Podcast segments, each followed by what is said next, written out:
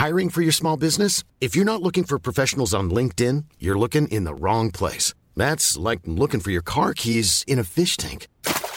LinkedIn helps you hire professionals you can't find anywhere else, even those who aren't actively searching for a new job but might be open to the perfect role. In a given month, over 70% of LinkedIn users don't even visit other leading job sites. So start looking in the right place. With LinkedIn, you can hire professionals like a professional. Post your free job on linkedin.com slash people today. It's that time of the year. Your vacation is coming up. You can already hear the beach waves, feel the warm breeze, relax, and think about work. You really, really want it all to work out while you're away. Monday.com gives you and the team that peace of mind. When all work is on one platform and everyone's in sync, things just flow wherever you are. Tap the banner to go to Monday.com.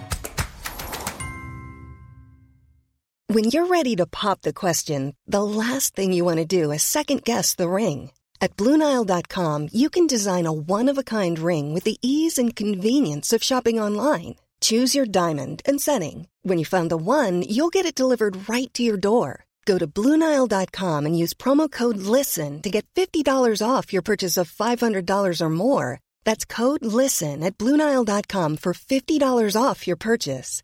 Bluenile.com code LISTEN.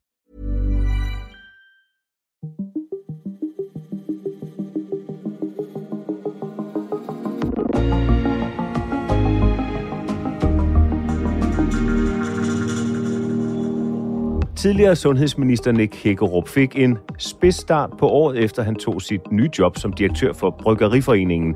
Meget bogstaveligt. Jeg siger bare, den anbefaling, som Sundhedsstyrelsen er kommet med, er der ikke evidens for. Han sagde, at der ikke er nogen evidens for, at Sundhedsstyrelsen anbefaler, at vi skal holde os til maks 10 genstande om ugen og højst 4 i streg. Det er serveringen i dato i dag.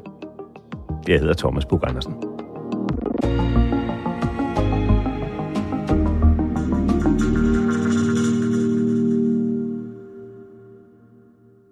Vil du ikke starte med at præsentere dig selv?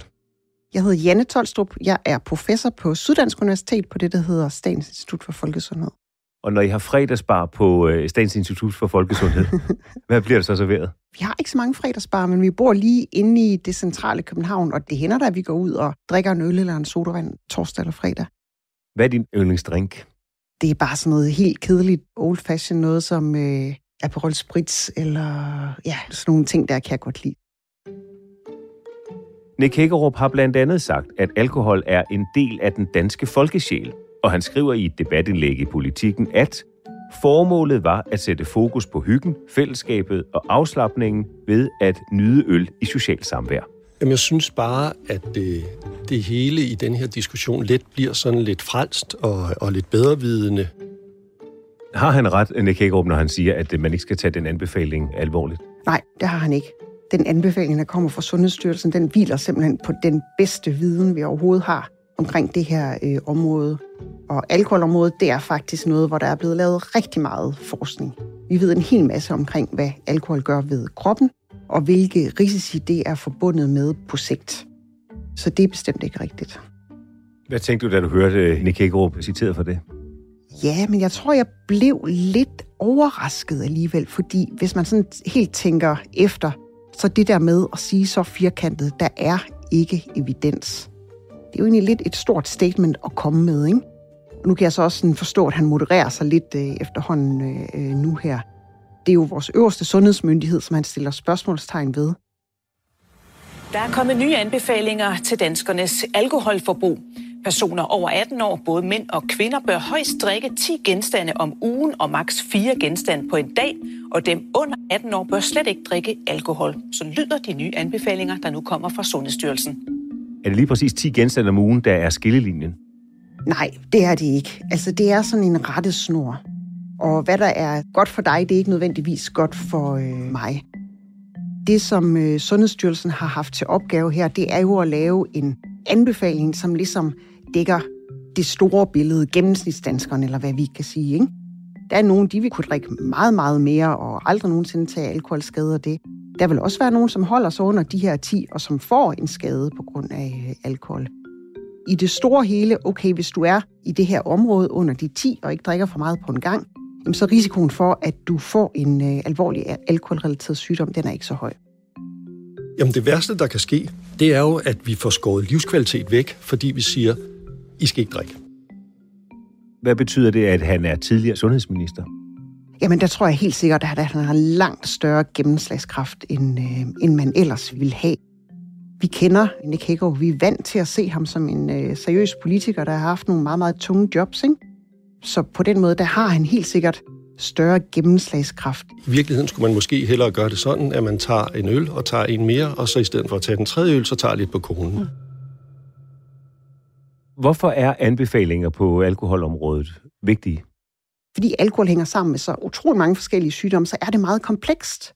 Og der tænker jeg, at det her med, at det hele evidensen er tykket igennem og ligesom spyttet ud som sådan nogle, øh, okay, øh, en rettesnor med de, med de 10 her, det gør, at den enkelte borger ligesom kan stole på det og ikke skal sætte sig ind i, hvad, hvordan var det nu lige med, med alkohol, ikke?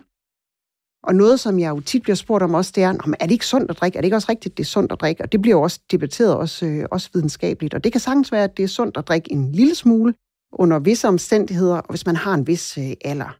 Men det er ikke det mest relevante spørgsmål. Det relevante spørgsmål er, jeg kan godt lide at drikke alkohol, og kan det sådan nogenlunde være i overensstemmelse med, at jeg også godt vil føre et godt og sundt liv? Og ja, det kan du godt. Det kan man godt. Man skal bare lade være med at drikke for meget i det hele taget, og drikke for meget på en gang. Det er Nick Hækkerup og hans arbejdsgiver Bryggeriforeningen sådan set enige i. Selvfølgelig skal der fortsat være anbefalinger, fordi at hvis man har et alkoholforbrug, som ikke er moderat, så er det skadeligt. Men... Måske skal det hele ikke være så formynderisk. Den tidligere sundhedsminister siger dog også, at alkohol ikke er usundt. Grundlæggende så er øl altså ikke et usundt produkt. Og at det kan være godt at drikke for eksempel en til to øl om dagen. Øl i begrænsede mængder er sundt. Janne, lad os bruge en lille smule mere videnskabeligt til værks. Hvad er alkohol? Ja, men alkohol er sådan et lille molekyle, som kemisk har den egenskab, at det kan opløses både i fedt og vand.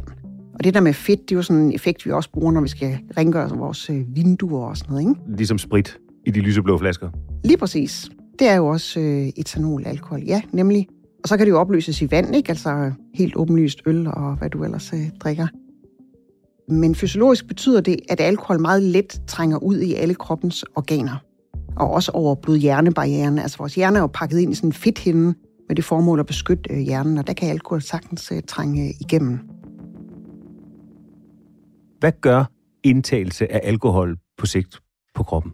Jamen, hvad gør alkohol næsten ikke, havde jeg sagt, fordi alkohol påvirker stort set alle vores organsystemer. Men hvis vi kigger på sådan noget som øh, kraftsygdomme, så alle de steder på kroppen, hvor alkoholen er i umiddelbar kontakt, altså det er sådan noget som mund og svælg og spiserør, der ser vi, at der er en forhøjet risiko for at få cancer de steder, hvor der er en direkte, hvad skal man sige, nærmest lokal irriterende effekt af alkohol. Ikke? Så det er sådan, øh, hvad skal man sige, det er en mekanisme. Så der er noget som øh, sammenhæng mellem alkohol og brystkræft. Altså brystkræft hos kvinder er jo en øh, stor sygdom desværre. Jeg tror, det er noget med livsstilsrisikoen er sådan 1 ud af 5 eller 1 ud af 6. Ikke? Og der ved vi, at der er også en sammenhæng med alkohol, hvor øh, selv fra et lavt forbrug, der er sådan en lille stigende risiko med øh, forbruget. Hvor de andre krafttyper, som vi talte om lige før, altså der er mundsvæld og spiserør, det er sådan nogle sygdomme, man ser hos folk, som har drukket meget og har drukket længe. Ikke? Der er også nogle nedbrydningsprodukter af selve alkoholen. Så alkoholen bliver øh, nedbrudt til noget, der hedder acetaldehyd, som så bliver nedbrudt og bare udskilt i urinen. Ikke? Men det her acetaldehyd, det er også kraftfremkaldende i sig selv. Og det kan også være det, der går ind og spiller ind og forklarer noget af den her risiko, vi ser mellem alkohol og kræft. Så hvilke andre øh, fysiologiske skadevirkninger er der ved alkohol ud over kræft? Jamen, så er der sådan det helt klassiske, det er jo leveren, ikke? Og det vi ser, det er, at øh, hvis man drikker meget, og det vil også ske, hvis man bare drikker meget over en kort periode, at vi ser, at der er sådan en øget forekomst af fedtophobning inde i levercellerne. Og det kan føre til sådan en lokal inflammation og til celledød og til, at leveren så reparerer sig selv og bliver sådan lidt ejet. Og øh, hvis det pågår over lang tid, altså hvis man vedblivende drikker meget og drikker ofte, jamen så ender leveren med øh, at være sådan en, nærmest sådan en samling ar. Og det er så det, vi kalder skrumpelever, ikke? Og det kan man altså ikke blive rask fra. Når man først har fået skrumpelever, så er der ingen vej tilbage. Ja, fordi det er simpelthen arvæv. Det er cellerne, der er, øh, er døde. Men den gode nyhed omkring leveren, det er jo, at det er et helt fantastisk organ, og også til at regenerere sig selv. Så har man drukket for meget, og man har ophobning af fedt i leveren, jamen så hvis man holder op, så vil leveren faktisk i høj grad vende tilbage til at være en sund og normal lever, ikke? Hvor mange herinde i Torvhallet tror, at rødvin er sundest? Ja. Og hvor mange tror, at øl er sundest? I forhold til det her med, om alkohol er sundt, så har der en del år været meget snak om, at et glas rødvin skulle være godt for hjertet. Godt nyt til rødvinsnyderne. Forskerne bliver mere og mere sikre på, at øl, vin og spiritus beskytter mod hjertekarsygdomme. Men det er ikke helt så enkelt. Is alcohol good for you or not? Det siges jo så også, ud over alle de fysiologiske skadesvirkninger, du har beskrevet her, øh, Janne, så siges det jo også, at et glas rødvin eller to faktisk er godt, skulle være godt for hjertet. Hvor meget er der om det? Det øh, er der lavet rigtig meget forskning på.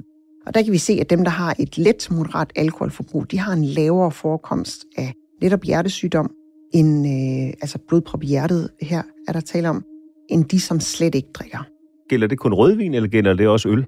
Det handler nok bare om etanolen, altså selve alkoholen. Ikke? For nogle år tilbage var det netop rødvin, man talte meget om, og troede måske, det var nogle antioxidanter og nogle andre ting i rødvin. Og det skyldes primært indholdet af resveratrol, som er en særlig kraftig antioxidant, som man finder i skinnet på vindruer. Men mere og mere er man sikker på, at det er selve etanolen.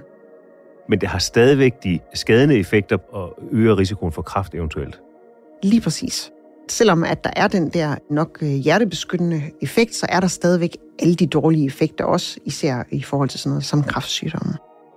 Betyder det, at det i nogle menneskers tilfælde faktisk kunne være en anbefaling at drikke en lille smule alkohol øh, dagligt? Jeg tror ikke, man skal spekulere så meget på, okay, vil det decideret være øh, sundt for mig? Men måske mere tænke på, okay, jeg kan godt lide at drikke et glas vin eller en øl øh, hver dag. Er det så okay? Ja, det er fint i kombination med, at man godt vil leve et øh, godt og sundt liv. Ja, vi har en suveræn grim Europa-rekord i det. Vi kan se, at unge de i højere grad kommer ud for ulykker, kommer ud for skader, kommer ud for desværre dødsfald også. Der skal eksperimenteres, men det skal gøres bevidst. Så lad os kigge lidt på den alkoholkultur, som vi har i Danmark. Det er jo uomtvisteligt en del af mange menneskers liv, og for nogle menneskers vedkommende en stor del af deres liv. I din vurdering har vi et problem med alkohol i Danmark?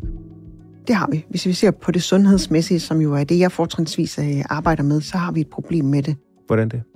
Det største problem, det er jo, at der er det her med, at når vi drikker, så bliver der drukket rigtig meget på en gang. Ikke? Der er en meget stigende drukkultur i Danmark. Vi har sådan, hvad skal man sige, en kultur, der er drukorienteret. Og det er, Hvad mener du med det? Det er det her med at drikke for virkningens skyld. Det er hyggeligt, når man er sammen med vennerne og sådan noget. Så lige tage nogle bajer eller så videre.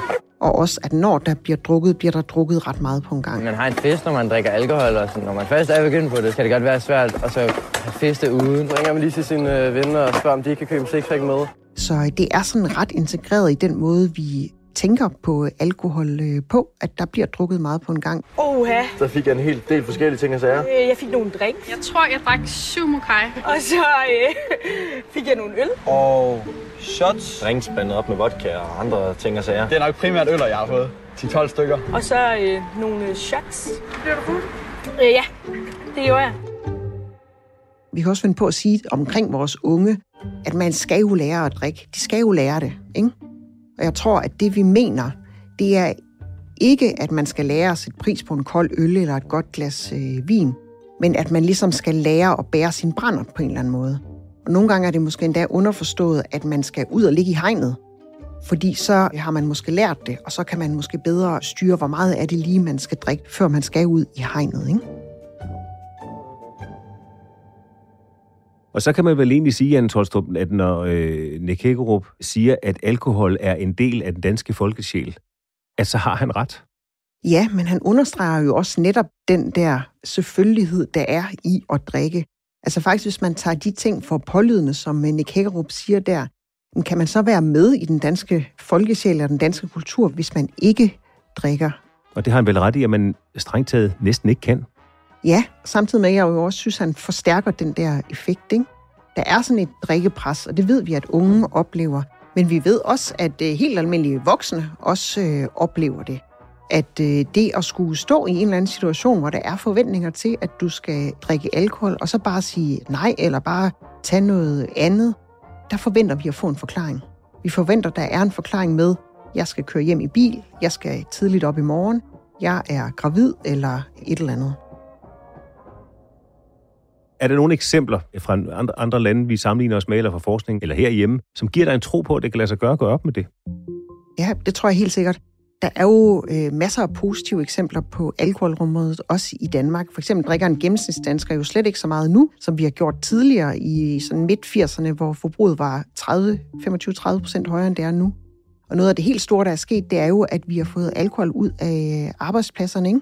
Og det er meget sjovt, fordi på det tidspunkt, hvor det blev øh, indført, der var der jo faktisk meget stor debat omkring det. Ikke? Og hvor mange mente, at det, det kunne ikke passe, at man ikke kunne tage nogle øh, øl, og skulle det nu bestemmes, og så videre, så videre. I dag der anser vi det for helt naturligt og også godt, at vi ikke drikker i forbindelse med vores arbejde. Og så kan man måske tænke, at det var da også bare håndværkerne, der drak dengang, men det var det overhovedet ikke. Altså store mediearbejdspladser. Snak med nogen, som har arbejdet på Danmarks Radio for 20 år siden, ikke? at de vil, de vil sige det. Ikke? Og det tror jeg helt sikkert har været medvirkende til, at vi ikke drikker så meget øh, længere. Det, som direktøren for Bryggeriforeningen, Nick Hækkerup, fremtrækker, det er jo, at det giver en øget livskvalitet at få en øl, eller måske to, en gang imellem. Det bliver lidt meget løftede pegefinger, altså øh, at vi glemmer, at øh, vi skal jo også leve livet, mens vi er her. Hvad er der af undersøgelser, der viser, at livskvaliteten øges ved at drikke alkohol? Det er der ikke rigtig noget, der viser, fordi faktisk lige præcis det spørgsmål, du stiller der, øger alkohol livskvaliteten? Altså, er det sådan, at hvis vi havde nogen, som slet ikke drikker, og de så får lov til at drikke en lille smule, hvad sker der så? Så det, du siger, Janne Tostrup, det er, at der findes ingen undersøgelser, der dokumenterer, at livskvalitet skulle øges ved at drikke alkohol? Ikke som jeg lige kender til. Men samtidig tænker jeg jo også, jamen hvis det for dig er livskvalitet at drikke en øl hver dag, jamen den by all means, så gør det jo det. Altså fordi det er så subjektiv en ting. Der er masser af mennesker, som har problemer med, øh, med alkohol. Der er også mange, som for eksempel kan have vokset op med alkoholproblemer, som har det dårligt helt generelt med, øh, med alkohol, fordi at det symboliserer så mange øh, dårlige ting. Ikke? For dem vil der nok ikke være ydet livskvalitet forbundet med at tage en øl hver dag, for det har de bare slet ikke lyst til. Men hvis man har det sådan, for mig er det livskvalitet at spise kage, eller drikke rødvin, eller et eller andet, jamen så gør det jo det i sagens natur. Og der tænker jeg så, at øh, så er der sådan en øh, genstandsgrænse her, altså en rettesnor, som jo udtrykker noget med, hvad vil det betyde sådan rent biologisk, rent risikomæssigt? Og tør jeg så løbe den risiko for min øgede livskvalitet, så kan man så kigge på den her genstandsgrænse, hvor er jeg henne i forhold til den, og så kan man jo selv afgøre, om man vil det eller ej. Hvordan skal sådan nogle, han er sagt, helt almindelige mennesker, som også balancerer livskvalitet og så videre på den ene side, og evidens, det at alkohol, vi ved, at alkohol kan forårsage sygdom, kraft, leverskader, hjertekarsygdom osv.? Det er jo et super godt spørgsmål, og det er i virkeligheden det, som jeg ser, at sådan nogle genstandsgrænser, de, øh, der, hvor de kan tjene sit formål. Ikke? At netop hvis man drikker på en måde, som er overensstemmelse med genstandsgrænserne, altså under de 10, undgår at drikke meget på en, øh, en gang, jamen så er der øh, kun en lille risiko for, at man tager skade af det. Hvis man er et sted i livet, hvor man øh, er i slutningen af teenageårene, begyndelsen af 20'erne, og er begyndt at inddrage og gøre alkohol til en del af sin livsform, hvordan forholder man sig så på den sundest mulige måde til det? Jamen, så handler det rigtig meget om ikke at øh, drikke meget på en gang. Prøve at holde øh, nydelsen i fokus. Drik det, man godt kan lide. Ikke drikke så meget for at opnå en brændert. Og så måske tænke på det her med at øh, have det til formål at ramme det her alkohol sweet spot, altså som man får efter at have drukket en til to genstande, hvor man er mere afslappet, lidt mere snaksalig, måske lidt mere munter, men man er ikke, øh, man er ikke fuld, og man gør ikke noget, man fortryder, eller man har stadigvæk styr på sig selv. Og så er du jo det gode bevis på, at man kan blive helt beruset af at blive klogere. Så tak fordi du kom. selv tak. Det var alt fra Datos podcast bar i dag. Skænket op og tilrettelagt af Sissel Ravn. Lyddesignet af Pauli Galskov. Redaktør er Astrid Louise Jensen. Jeg hedder Thomas Bug Andersen. Skål.